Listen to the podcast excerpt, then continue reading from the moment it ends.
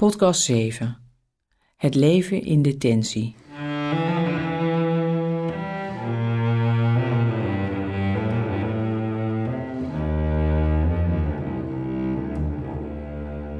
De verzetstrijders en jezuïeten Robert Ragout en Rupert Meyer zitten in een concentratiekamp.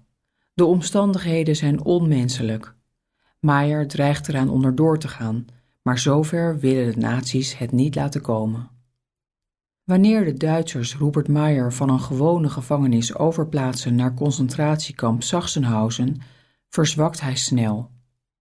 Op dat moment gaan alle alarmbellen bij de goed georganiseerde nazi-autoriteiten rinkelen. Zij willen kosten wat kost voorkomen dat de bekende en geliefde Rupert Meyer sterft als martelaar. Ze besluiten hem van concentratiekamp Sachsenhausen over te plaatsen naar de Benedictijner abdij van Ettal. In het klooster in de Beierse Alpen krijgt hij huisarrest. Heerlijk toch? Daar kan hij op krachten komen, krijgt hij voldoende eten, mag hij bidden in de kapel.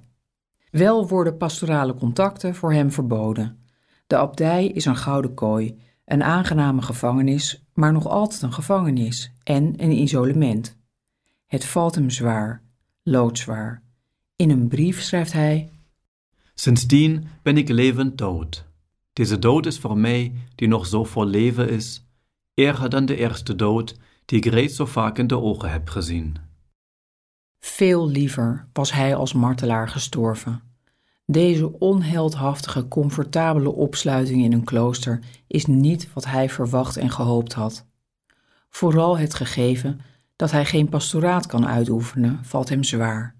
Geen bezoek aan mensen in nood, geen openbare misvieren, geen biecht horen. Soms is het feit dat je niet kunt doen wat je het liefste doet erger dan het lijden van allerlei gebrek of mishandeling. Heb ik wel eens meegemaakt dat ik niet kon doen wat ik het liefste wilde? Niet voor kleinigheden, wel voor ernstige zaken. Hoe voelde ik me toen?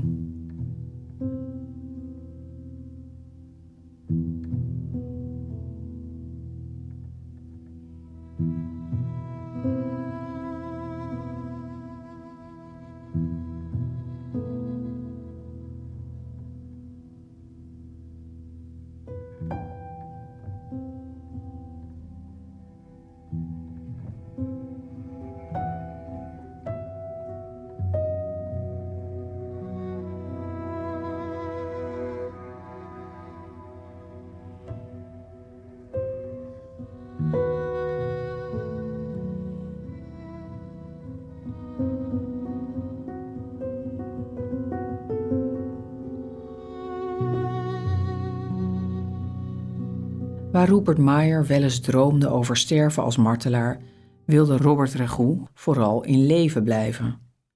Dankzij vrienden kreeg hij in het concentratiekamp een baantje als kleermaker. Deze nieuwe taak ontsloeg hem van zwaar lichamelijk werk. In normale omstandigheden zou dit komisch zijn geweest, want hij had absoluut geen verstand van naald en draad. Robert Ragout had veel vrienden in het concentratiekamp. Hoe kwam dat? Kampbewoners die Dachau overleefden, vertelden dat gesprekken met hem je zo opmonterden. Maar er was nog iets, en daarover getuigt deze anekdote. Het zal in augustus 1942 geweest zijn. Hij was op blok 30 en ik op blok 28. S'morgens, voor het appel, stond hij stilletjes achter het blok en had naar me gevraagd. Toen ik bij hem kwam, zei hij: Hier is wat voor je. Ik wist niet wat het was. Eh, hij was ook gauw weer verdwenen. Het was te gevaarlijk. Ik opende het papier. Een stukje spek. Door een heel bijzondere bemiddeling van het Rode Kruis had hij een pakje gekregen en wilde alle Nederlandse priesters hierin laten delen. Van welke grote betekenis deze kleine gave was, kan alleen hij begrijpen die in Dachau geweest is.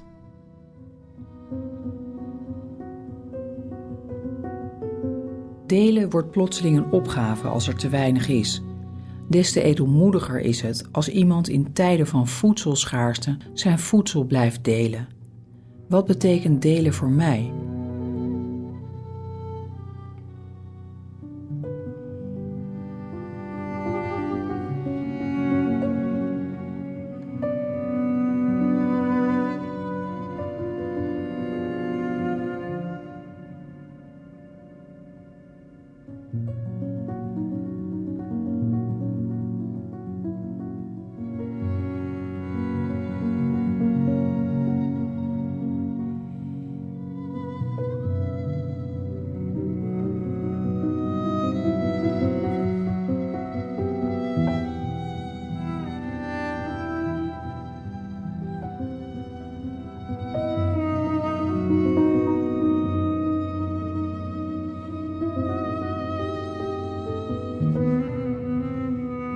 Ten opzichte van vele wereldbewoners ben jij waarschijnlijk rijk en welvarend. Wat is mijn houding ten opzichte van mijn bezittingen? Kan ik er los van komen of klamp ik mij er liever aan vast?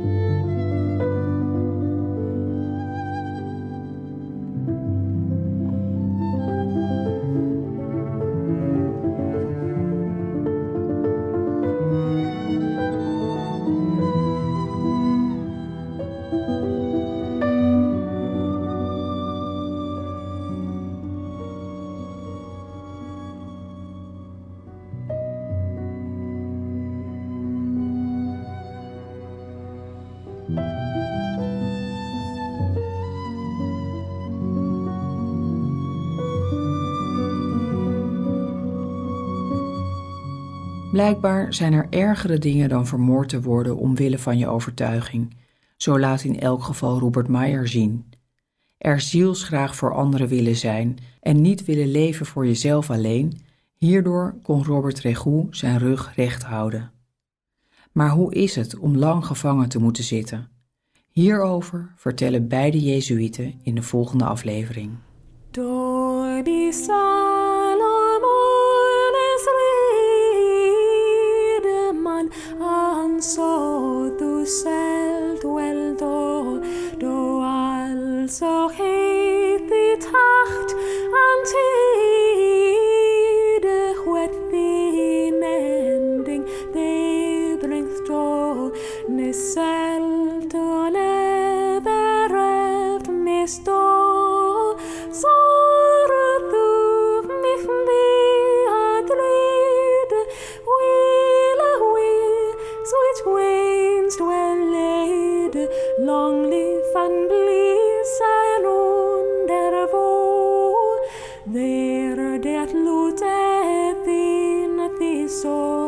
tot de vordo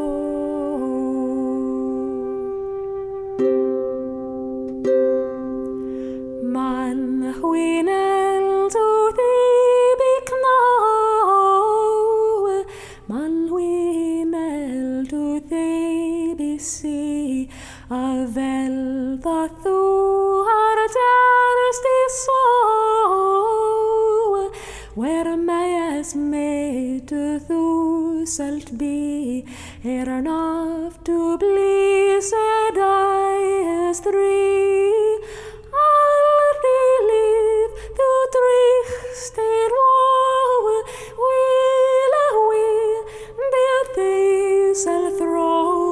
dún